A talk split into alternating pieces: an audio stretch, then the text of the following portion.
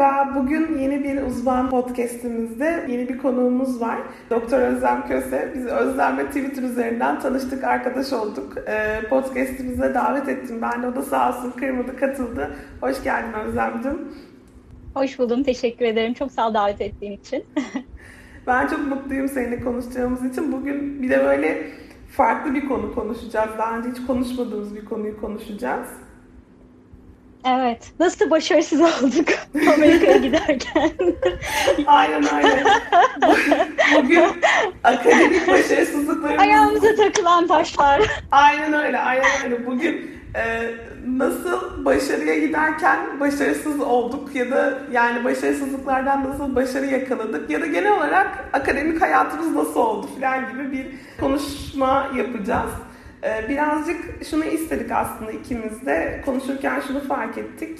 Hep böyle pembe çizilen bu tablolarda işte akademik başarı öyküleri aslında bir sürü başarısızlık hikayesi de var ama bunlar hiç konuşulmuyor ve sanki günün sonunda her şey çok güzelmiş gibi lanse ediliyor ama aslında yol üzerinde hepimiz düşüyoruz, kalkıyoruz, sıkıntılar yaşıyoruz ama bir şekilde toparlanıyoruz, devam ediyoruz. Bazen edemiyoruz. O da olabilir. Bugün birazcık da kendi hikayemizi anlatalım dedik. Evet, evet kesinlikle öyle. Bir de şunu düşünmek lazım. Şu anda Covid'den dolayı, pandemiden dolayı her şey çok değişti. Birçok öğrencinin eskiden e, yurt dışına gitmek isteyen öğrencilerin düşündüğü, düşünmediği, hiç aklında bile olmayan şeyler bugün e, birçok öğrencinin zihninde bir soru işareti. Hani akademi çok etkilendi. En çok etkilenen sektörlerden bir tanesi de özellikle Kuzey Amerika'da bildiğim kadarıyla Avrupa'da durum ne bilmiyorum ama hani e, güvenlik kaygısı var. Çok önemli bir kaygı. Hiç böyle biz ben 10 yıl önce e, Amerika'da yüksek lisans yapmaya gittim ve hiç düşündüğüm şeyler değildi bunlar. Bir taraftan bunları düşünüyor olma çok zor bir şeydir diye tahmin ediyorum. Hatta evet. İşte anladığımızı e, ne kadar zorlandıklarını öğrencilerin hayallerini e, kurmaya devam etmekte. Zorlandıklarını tahmin ediyor olduğumu düşünsem de belki tam olarak anlayamıyoruz biz. Onu da kabul etmemiz lazım belki. Ne kadar zor bir şey. Bu e, kayıtları dinleyip hadi oradan sen 10 yıl önce yapmışsın. tabii, e, işte, tabii. Dolar euro ne kadar da o zamanlar kim bilir. Hani Türk o kadar karşısında. Tabii. Kendilerine çok şefkatli davranmalarını rica ediyorum. Bu belirsizliğin o ortamın içerisinde böyle akademik hedefler kurmak, hayaller kurmak ve onlara doğru koşmaya çalışmak için motivasyon bulmak herhalde çok zordur diye e, tahmin öyle. ediyorum. Aslında e, bugün konuşacağımız konular içerisinde de var bu ama yani zaten akademik bir kariyer hedefi koymak kendi başına ciddi bir özbenlik regülasyonu gerektiriyor değil mi? Yani ben bunu istiyorum, o hedefi koyuyorsun. Sonra o hedef böyle hemencecik gözünün önünde olan bir hedef değil, uzakta bir hedef. O hedef için gerçekten planlı bir tempoya girmen gerekiyor. Başvuru süreci o kadar bir tane bir şey yazdım oldu bitti gibi olmuyor. Sınavları var, mailleşmeleri var, okul belirlemesi var.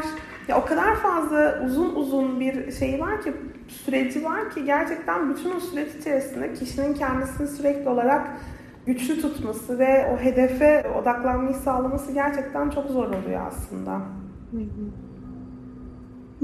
Kesinlikle öyle. Kes, inanmaya devam etmesi kendisine bu kadar çok şey olurken, bu kadar zorluktan geçerken çok çok gerçekten çok zor oluyor. Bir de şey olmayabiliyor bazen de.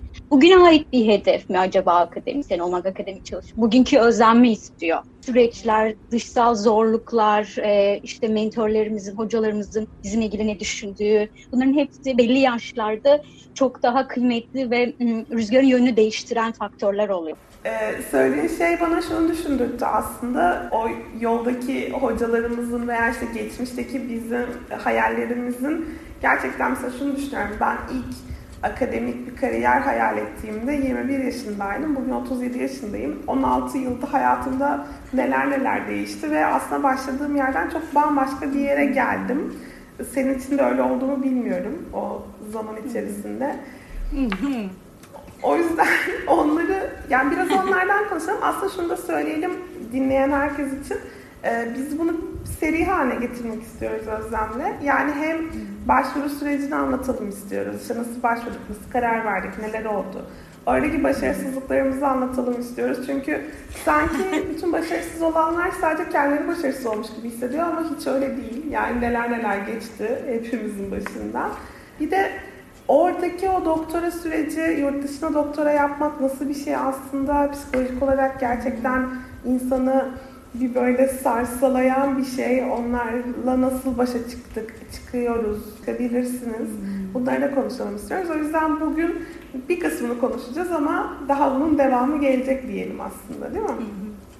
Evet, aynen. Özlemci o zaman başlarken istersen sen bize kendi akademik geçmişini şöyle küçük bir özet geç istersen. Başarısızlıklarına girmeden geç. Oraları ayrıca konuşuruz sonra. Tabii ki. Ee, ben Hacettepe Üniversitesi'nde lisans okudum. Onun ardından Amerika'da e, yüksek lisans yaptım. Purdue Üniversitesi'nde ilişki ve e, aile terapisi e, alanında. Daha sonra Türkiye'ye geri döndüm. Aslında ben iki kere Amerika'ya taşınıp yani dönüp tekrar taşınanlardanım doktora için. bir dönem çalıştım. Daha sonra doktoraya döndüm. Belki bunun anlamını benim için de düşünebiliriz, konuşabiliriz birlikte. Evet, ondan sonra e, doktorada tıp ve e, çift terapisinin kesiştiği bir e, alana doğru yöneldim ve medikal aile terapisi alanında doktorumu aldım. O da e, East Carolina Üniversitesi'nde yine Amerika'da. Şu anda da Kanada'da yaşıyorum. Kanada'da kendi kendi çalışmalarımı yapıyorum. Seninle o telefonda geçenlerde biz Özlem'le bir telefon konuşması yaptık ve o telefonda böyle Kuzey Amerika'da olma deneyimi hakkında da biraz konuştuk da e, onun hakkında da konuşalım çünkü aslında Kuzey Amerika birçok insanın hayali, işte Amerika olsun, Kanada olsun oraya gitmek birçok insanın hayali ama aslında e, hayallerle gerçekler ne kadar örtüşüyor onun hakkında da biraz konuşsak iyi olabilir gibi hissediyorum. Kesinlikle ben de katılıyorum yani. Çok bir oradan çıktı herhalde değil mi bu fikir zaten böyle bir anlatalım aslında o Aynen öyle öyle. değil. Tam olarak öyle o öyle değil. Bildiğiniz gibi değil. O senin bildiğin gibi değil. Kesinlikle öyle. Peki o zaman ben sana sorarak başlayayım. Lisans okurken Hacettepe'de okurken sen hayal ediyor muydun yurt dışına gitmeyi? Neydi yani? Aklından geçenler neydi? Benim e, hocalarımın çoğu zaten Amerika'da doktora yapmışlardı e, Hacettepe'de lisanstı. Galiba orada böyle çok e, ilkel bir fikir oluştu bende e, ikinci sınıfın sonu ve üçe doğru. Yani galiba böyle e, bu da çok sağlıklı bir e, bakış açısı olmayabilir şu günkü konjektürde diye söylüyorum bunu. İşte benim çok iyi bir klinisyen olabilmek için o zaman böyle araştırmacı olmak gibi bir hayalim yoktu ama klinisyen olmayı, çok iyi bir klinisyen olmayı çok istiyordum klinisyen olmak için benim yurt dışında okumam lazım gibi bir fikir oluşmuştu bende. E, hocalarıma bakarak galiba onları model alıyorsun ve bakıyorsun hani çok başarılılar, çok şey biliyorlar. Hani bunun yolu budur. Hani tek yolu budur gibi bir böyle bir düşünce oluşabiliyor o yıllarda. Şimdi geri dönüp bakınca evet yani çok daha sistematik hale getirilmiş bir klinisyen eğitimi var Amerika'da. Kuzey Amerika'da çok e, iyi bu konuda Avrupa'ya kıyasla başka ülkelere kıyasla ama bunun başka yolları da var. Yani ben de öyle bir fikir oluşmuştu. Onun dışında da kişisel olarak yani özlem, e, sosyal destek sistemi olmadan sevdikleri ailesi, yakınları, arkadaşlar olmadan kim, nasıl birisi diye kendimi merak etmeye başladım. Ne yapacağım, nasıl yapacağım ben başka bir kültürde, kimse beni tanımadığında, başka bir dilde nasıl var olacağım?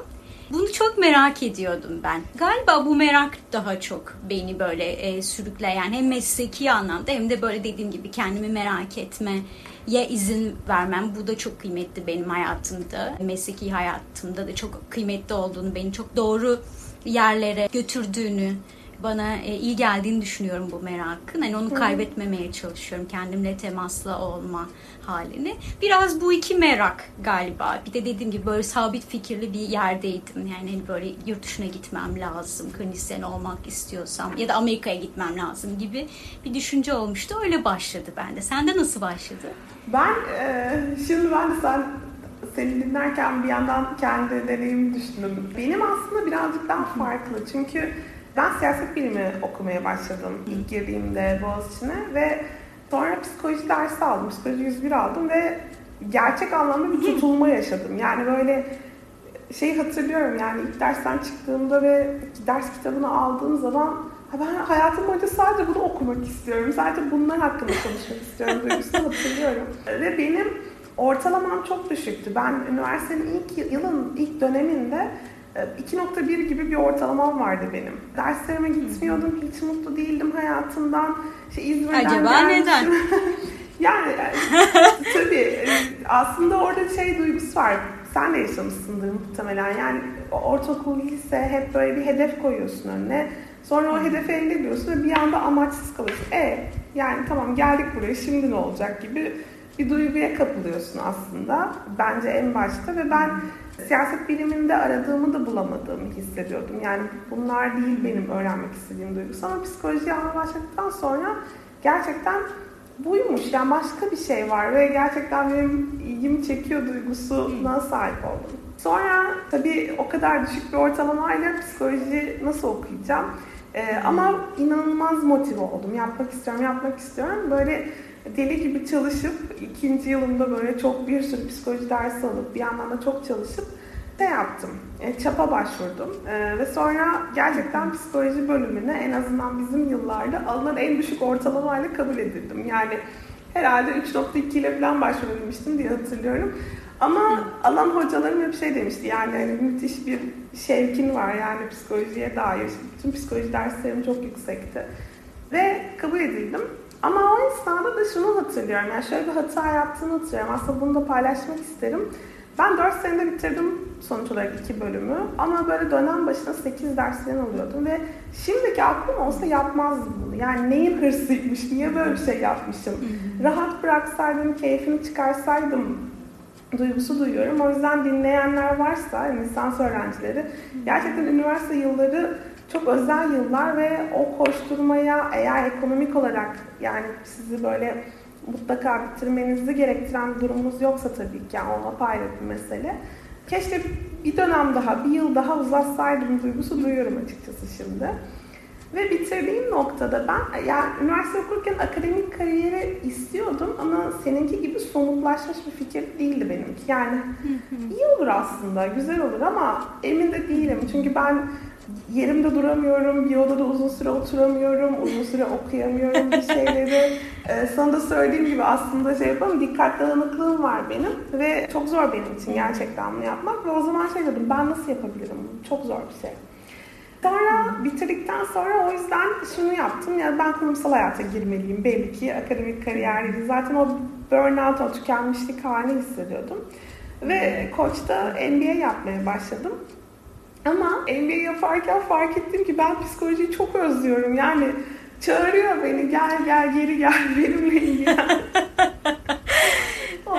finans alıyoruz, ekonomi alıyoruz. Hiçbir şekilde benim ilgimi çekmiyor. Yani bu, bu ne böyle? Ben sürekli hala işte consumer behavior, tamam psikolojiyle ilgili ne varsa böyle onlara yöneliyorum sürekli. Ama sonra kurumsal hayatta başlayınca dedim ki yok ben gerçekten bunu istemiyorum. Ben bir şeyler anlatmayı çok seviyorum. Psikolojiyi çok seviyorum. Akademiyi çok özlüyorum ve demek ki benim orada yerim. Ve gerçekten benim için riskli bir karardı. Senin gibi de değildim ben bu arada. Senin söylediğin şeyi çok hayranlıkla dinledim. Yani o kendimi sosyal desteğin dışında da görmek istedim dedin ya. Benim böyle bir düşüncem hiç olmadı açıkçası. Ben çok korktum giderken. Yani ben bunu yapamazsam ne ki ben şanslıyım. Eşimle birlikte biz başvurduk ve gittik Amerika'ya. Ve şeydim böyle yani ben o sosyal destek olmadan nasıl, yani yanımda sadece eşim varken nasıl yapabilirim duygusunu duyarak gittim doğrusunu istersen. Çok kork korkutucu geliyordu bana. Ve başvurular yapmaya başladım. İşte giderken başvurular yapmaya başladım. Eşim önce gitti. Ondan sonra ben başvurular yapmaya başladım. O başvuru sürecine ayrıca gelelim istersen ama çünkü o apayrı bir konu. Sen peki evet, lisanstan evet. hemen sonra mı başvurdun yüksek lisans için? Nasıl oldu senin için? Bu da önemli bir, çok önemli bir soru ve öğrencilerin bana çok yönelttiği bir soru oluyor. Bazen hemen olmayınca işte başvurdukları burs ya da işte kabul alamayınca bir sonraki adımı yüksek lisanstan önce biliyorsun ki ne oluyor? İşte örgün eğitime devam ediyoruz. İşte yüksek lisansımızı bitiriyoruz. Hep böyle bir akış var. Doğrusal Aynen. bir e, gidiş var. E, yollar, adımlar her şey belli. Ama e, ondan sonrası yüksek lisans için o kadar muğlak ve bir anda belirlenmemiş çok daha farklı faktörlerin hani bir hani ALES tamam bir sistem sınavı ama ALES tek başına bir e, faktör değil ya da yurt dışına gitmek isteyenler için GRE var işte TOEFL var IELTS var falan hani çok farklı bir kendi projeni kendin hani e, portfolyonu oluşturup hı hı, başvurduğun hı. bir süreç oluyor. O da çok e, korkutabiliyor bazen öğrencileri ya da böyle e, bir hayal kırıklığı ya da hemen bir sonraki adımı biraz onlara dair bir şeymiş gibi e, bir başarısızlıkmış gibi de algılayabiliyorlar. Benim de yani eğer bunu bir başarısızlık gibi düşüneceksek ben de böyle istediğim şekilde hazırlanamamıştım son yıl lisansın son yılında. Baktım ki hani istediğim şekilde bir başvuru yapamayacağım. Ne yapabilirim diye düşündüm. O bir yıl e, ara verdim. E, yarı zamanlı çalıştım. Hani böyle sadece ciğeriye çalışamayacak durumdaydım. Bir taraftan da hani çalışmam gerekiyordu, iş bulmam gerekiyordu. Böyle bir denge buldum kendime ve ciğeri çalışmaya çalıştım. Bir yıl oldu yani o ara ara yılı oldu. Bazen öğrenciler şey diyorlar işte Türkiye'de de bir yüksek sans programına başlasam bir taraftan bir taraftan da Amerika'ya işte yüksek sansı. Yani ben onun çok zor olduğunu hani çok yıpratıcı olabileceğini düşünüyorum bir taraftan. Yani tabii. bu benim fikrim tabii ama yani ben öyle bir yola girmedim en azından. Hı hı. Biraz böyle kendime dediğim gibi benim için şey çok önemliydi. Yani ben bunu istiyorum. Buna ulaşabilmek için neye ihtiyacım var? bu yola nasıl girebilirim? Orayı dinlemeye biraz açık olduğum bir dönemdi galiba. O bana çok iyi gelmişti. Sen de deneyimlerinden öğrenmişsin aslında kendini. Tabii, tabii, Demişsin, evet. bakmışsın kurumsal hayatı işte hani böyle biraz daha kendimizi şefkatli bir yerde durabilirsek aslında deneyimlerimiz bize neye ihtiyacımız olduğunu söylüyor. Diyor ki Gizem aslında sen e, çok istiyorsun, çok seviyorsun akademiyi, e, psikolojiyi, psikolojinin getireceği rolleri hani psikoloji alanında. Aslında o kötü GPA bana bunu söylüyor. ee, aslında yani öyle. Evet yani aslında diyor ki yani aslında sen bunu istemiyorsun ama o kadar hani bu e, standartize olmuş eğitimin ve o eğitimin getirdiği herkes aynı sürede, aynı saatte, aynı şekilde öğrenecek baskısının içselleştirilmesi ve bunun bizim üzerimizde böyle bir e, travmatik, olumsuz bir sonuç gibi hissettiğimiz, yargıladığımız bir mesaja dönüşmesi beni çok üzüyor aslında. Yani o mesajı attığımız zaman, o mesajı ortadan, denklemden kaldırdığımız zaman aslında Gizem orada kendisine dair çok önemli, çok kıymetli bir bilgi bulmuş. O da psikolojiyi çok sevdiği ve onun içinde olmak istediği.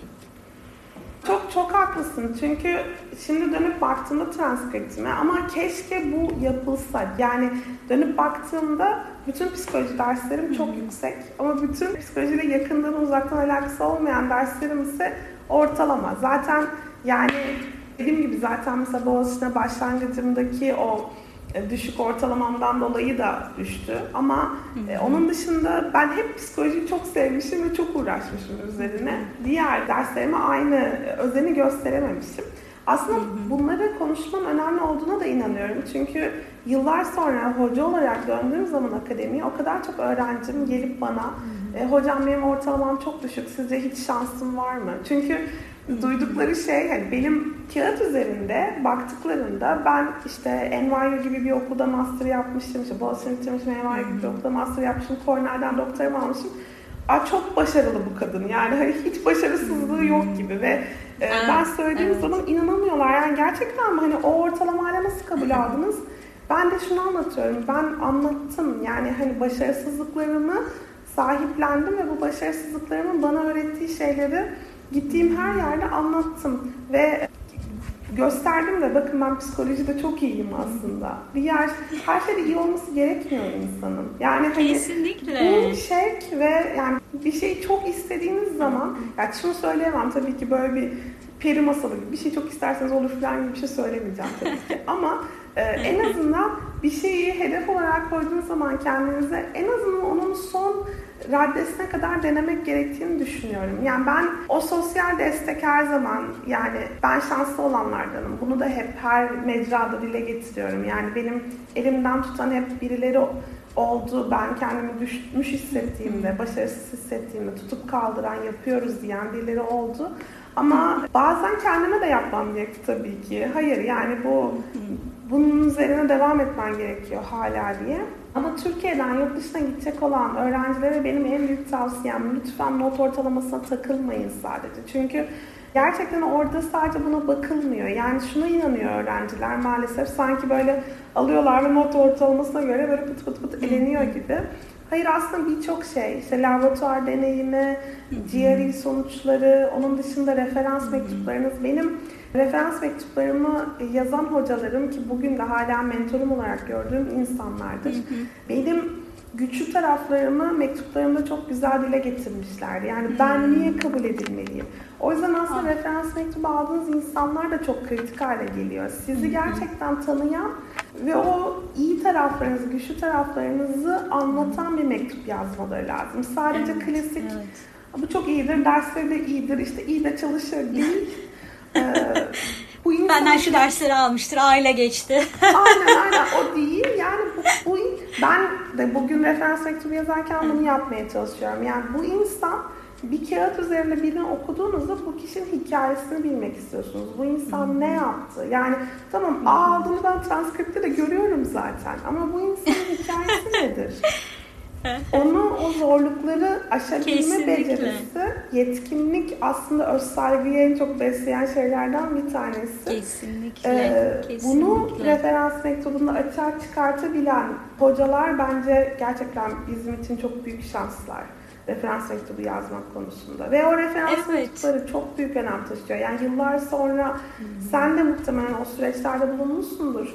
Bize geldiği zaman mesela doktora yaparken Cornell'de adaylar hani bizle de konuşurdu hocalarımız böyle böyle insanlar var diye. Ve neye önem verdiklerini o esnada çok fazla dinleme fırsatı bulduk. Yani çünkü başlangıçta tam bir karanlık değil mi? Neye baktıklarını bilmiyorsun. Gönderiyorsun ama uzay başladı gönderiyor. başladı gönderiyorsun. o, o şeyi anlamak hani arada ne oluyor, neye bakıyorlar, neye dikkat ediyorlar. Evet. Hani o okullardan ziyade deneyimler çok büyük önem taşıyor. Kesinlikle. Benim de yüksek lisans süresinde ben bölüm başkanının asistanı olarak çalıştım 3 yıl boyunca, yüksek lisans boyunca ve herkesin dosyasını görüyordum. Yani yaklaşık 150 kişi falan başvuruyordu bizim programı. Dünyanın her yerinden e, bir sürü başvuruyu görme şansım oldu. Öğrencilerin GPA'lerini, GRE'lerini vesaire. Ve bir gün böyle ikinci sınıftaydım galiba. İşte bu onların istatistiğini falan tutuyordum ben. Yani o dosyalama işlerinden sorumluydum hocayla beraber. Dayanamadım ve hocaya şeyi sordum. Yani baktım herkes o kadar başarılı bana göre. Hani kendimi şey bir yerde görüyorum. Kendimi çok başarısız, onları çok başarılı görüyorum gördüğüm dosyaları. Oysa programın içindeyim, bölüm başkanının asistanıyım. Düşün yani oraya gelmişim hala böyle Türkiye'den gelen bir şey var yani. Acaba ben burada olmayı, bu programda olmayı hani hak ediyor muyum? Çünkü e, benim girdiğim program da gerçekten en iyi aile terapisi programı olarak biliniyor. E, genelde böyle bir e, official bir ranking bir şey yok, resmi bir kayıt yok ama genel olarak çok e, iyi bilinen e, bir program. Benim çalıştığım hoca da işte böyle e, yıllarca böyle üst üste aile terapisi yetiştirme e, üzerine ödül almış birisi. Düşün yani o yaşadığım kaygıyı vesaire. Hocaya dayanamadım ve sordum. Hoca da dedi ki mülakatta ağladığın için aldık seni dedi. E, ben e, mülakatta şöyle bir şey oldu. Mülakatta ben ilk başvurdum ilk kabul edilmemiştim Purdue'ye. Ve hep orayı çok istiyordum. Başka yerlere böyle başvurmak istedim. Orayı çok orada olmayı çok istiyordum. Ve sordum yani ne yapabilirim? Tekrar başvurmak istiyorum ne yapmam gerekiyor, nasıl iyileştirmem gerekiyor başvurumu diye. Bu da çok önemli bir soru bu arada, altın çizeyim. Tabii ki. Ee, işte hocam da demiştik yani GRE'ni yükseltip gel demişti. GRE'ye tekrar girdim ve sonra kabul aldım ama bana şeyde hani bunu biliyorlar beni ciğeri yüzünden kabul etmediklerini bana söylemişlerdi ilk başvuruda. Tabii ki mülakatta bu soru benim önüme geldi. Hocam bana şey diye sordu. Yani zorlandın mı tekrar ciğeriye girmeye çalışırken? Hani sen yabancı öğrencisin, ana dilin İngilizce değil. Neler yaşadın diye sordu. Dediğim gibi dünyanın en iyi terapistlerinden birisi var karşımda. Ben de böyle o kadar dokundu ki soru bana. O kadar e, anlaşılmış hissettim ki soruyla. Ağlamaya başladım. Tutamadım kendimi ve çıkarken şey dedim yani ben mülakatta ağladım. Kesin beni almayacaklar diye düşündüm. Bunu benim için şeydi yani orada olumsuz bir şey olduğunu düşündüm yani benim ağlamış olmamın. Sonra hocam böyle deyince gerçekten çok şaşırdım ama bana önce şaka yaptığını söyledi ama sonra şöyle açıkladı. Yani evet GPA şu bu önemli. Herkes çok iyi zaten Amerika'da böyle okula gitsen ağlıyorsun gibi bir şey. Yani bizdeki sistemden çok daha farklı bu notlandırma sistemi. Dolayısıyla herkes gerçekten 4-0'dı benim sınıf arkadaşlarım. 4-0'dı not ortalaması. Ama orada terapist kumaşına baktıklarını hani ben nasıl birisiyim, otantik miyim, hani nasıl davranıyorum, hocaların yanında nasılım, neler söylüyorum kendime dair, kişiliğim hani böyle bana verdiğim enerji galiba. Hani orada bu terapist kumaşının çok önemli olduğunu aslında diğer meselelerin çok da onlar için e, çok kıymetli olmadığını o kadar da insana dair sorumluluk almaya dair yardım etme sorumluluğunu almaya dair nasıl birisi olduğumu anlamaya yönelik bir süreçten geçtiğimizde. Hani bunun objektifliği de tartışılır Gizem ama şunu söylemeye çalışıyorum. Aslında her şey o not ortalaması vesaire değil. Tıpkı işte senin o çapa girerken ki hocalarının senin motivasyonu. Aslında orada e, işte zaten lisansa psikolojiden girmiş ve çok başarılı olmuş öğrencinin yanında benim için kıymetli olan galiba ben akademisyen olsam bir hoca olsam orada senin o öğrenme eğrisini, e, senin oradaki şevkini, motivasyonunu, öz disiplinini görmek beni çok etkilerdi diye düşünüyorum yani. Bu bu deneyim çok iyi. İyi ki sormuşum ben de hocama yani. Hani benim için çok ayırıcı bir deneyimdi yani. Sonra bir sonraki e, adaylar yıllarda hani bana soruyorlardı hani sen görüyormuşsun dosyaları sırrı ne? Buraya kabul almanın sırrı ne diye soruyorlardı. Ben de ben ağlayıp girdim diye böyle yıllarca aynı şakayı yaptım yani.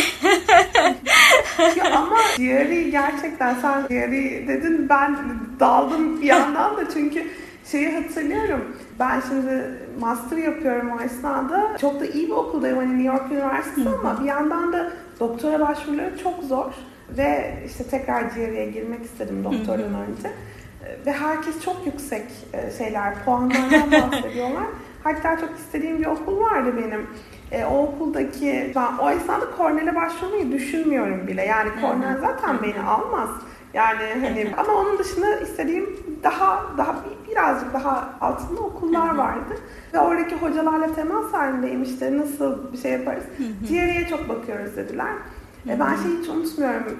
Bir ay elimde diğeri kitapları işte o esnada trenle gidip geliyorum yol, e, yolda e, bir saat tren yolculuğu bir saat geri gel elimde flash kartlar işte şey diğeri kitapları gece rüyamda sayıklıyormuşum. Yani kelime Eyvallah. sayıklıyormuşum böyle o derece diğeriye çalıştığımı hatırlıyorum. Yani hani inanılmaz bir deneyim. Yani çok aslında çok zihnen, çok yorucu. Başka hiçbir şey o kadar çok çalışmadığımı biliyorum yani hayatımda. Evet, evet çok zor bir sınav. Gerçekten bir şey. zor bir sınav. Evet, evet. Şu anda çalışıyor olanlara böyle e, e, kucak dolusu sevgilerimi gönderiyorum. E, ne kadar zorlandığınızı biliyorum. Gerçekten çok, e, çok gerçekten. zor bir sınav. Gerçekten zor bir sınav. E, lütfen yine söylüyorum lütfen kendinize çok şefkatli davranın. Aynen öyle, aynen öyle. Ya bu aslında akademik bugün istersen ilk podcast'ı hafif burada bitirelim ve şeyi söyleyelim. Yani bu aslında sadece işin başlangıç kısmı. Yani daha sonra başvurular hakkında biraz daha da detaylı konuşuruz. İşte yazdığımız yazılar. Mesela ben şeyi hatırlıyorum bu Özlem az önce söyledi ve çok haklı. Amerika'da GPA'nin 4 olması çok kolay bir şey aslında. Türkiye'de nasıl zorsa orada lisansta o kadar diyelim. kolay. e, lisansta, aynen lisansta. E, çünkü burada ortalamaya bizim Boğaz içinde B bile verilmezdi birçok okulda daha yani C, çoğunlukla C verilirdi. Yani öyle B falan almak, üç ortalama getirmek yani o kadar şey. Şimdi biraz daha değişti galiba ama bizim zamanımız en azından öyleydi. Evet. Bana şey yazdırmıştı hocalarım. e, Amerika'daki hocalarım doktora başvurusunda bunu açıkla. Yani şeye ortalamaya ne veriliyor? Bunu mutlaka yaz ki insanlar senin ortalama baktığında bunu anlasınlar. Çünkü Amerika'daki sistem çok farklı diye evet, e, söylediklerini evet. hatırlıyorum. Bu ve bunun gibi şeyleri de anlatırız ama onun dışında hı hı. hadi kabul edildiniz, kabul edildikten sonra neler oluyor? Özlem'in az önce anlattığı orada olmayı, olmakla ilgili yaşadığı duygu, hani en iyi programdayım, en iyi hocalardan bir tanesi çalışıyorum, böyle bu nasıl olabilir? Ben de çok hissettim bu duyguyu. Imposter sendromu diye geçiyor zaten. ee, literatürde de bunun hakkında da daha evet. uzun konuşuruz. Ee, buna ne sebep oluyor, nasıl yaşanıyor, nasıl bunu aşarsınız, aşamaz mısınız, ne oluyor? Onları Bizde yok ama bir arkadaştan biliyorum ben de. Aynen biz hiç fikrimiz yok yani okuduk bir yerlerde de o yüzden e, Özlemciğim çok çok teşekkür ederim. Yani böyle samimiyetle katıldığın için. Geçenlerde bir tweet atmıştım ne kadar doktor döneminde zorlandığıma dair ve gerçekten mesaj yağdı insanlardan. Hocam ben de sizinle birebir aynı durumdayım evet. işte nasıl yapabilirim diye. Ve umuyorum ki bu podcastler biraz olsun ışık tutar, biraz olsun o yolların o kadar kolay olmadığını ama zorluklara rağmen yapabileceğinizi çok daha e, bazen hiç umut yokmuş gibi görünürken de çok fazla şey olabileceğini gösterir hepimize diye, diye düşünüyorum. Kesinlikle. Yani bir de şey canım. Ben de sana çok teşekkür ederim. Ee, çok keyifliydi benim için de. Ee, bundan sonrasını çekmek için sabırsızlanıyorum. Gerçekten çok keyifliydi. çok teşekkürler, çok teşekkürler. Sen bir şey söylüyordun ama ben seni böldüm. Keşke diye başladın. Ses arada bir senkronizasyon bozuldu. Evet evet yani şey diyecektim hani belki bugünkü bu ilk bölümden şöyle bir mesaj aklında kalsın herkesin. Gerçekten hani bu yol böyle doğrusal işte başarılara doğru giden bir yol değil. Gerçekten zor bir yol. Hani ister yurt dışında olsun ister yurt içinde lisansüstü programlarda eğitim almaya devam etmek gerçekten zor. Ama e, ne zaman iyi geliyor, ne zaman e, daha iyi hale geliyor. Birileri çıkıp hani ben de oradaydım, ben de çok zorlandım benim de başıma kötü şeyler geldi. E, yalnız değilsin diyebilmek, birbirimize el vermek belki çok kıymetli. Hani bunu birlikte yapabilmek. Evet. Özellikle kadınlar için e, bunun çok kıymetli olduğunu düşünüyorum. Ben hani biz böyle kadınlar daha da kötü davranıyoruz kendimize. Belki onu da eklemek lazım. O anlamda o mesajı verebildiyse bu birinci bölüm benim için hedefine ulaşmış e, demektir. Bu aklımda kalsın istiyorum herkesin. Çok güzel özetledin. Gerçekten daha iyisini asla söyleyemezdim. Çok çok e, güzel mesaj. E, buradan da devam edeceğiz serinin devamında. Bize katılmak isteyen, bu şeylerini paylaşmak isteyen, olur da dinleyen bir akademisyen varsa veya işte bu yollardan geçmiş birileri varsa her zaman katılabilirler. Onu da söyleyelim, ekleyelim. Ee, evet. Herkese açık bu mecra. Herkese sevgilerimizi gönderiyoruz o zaman. Hoşçakalın. Evet. bye bye.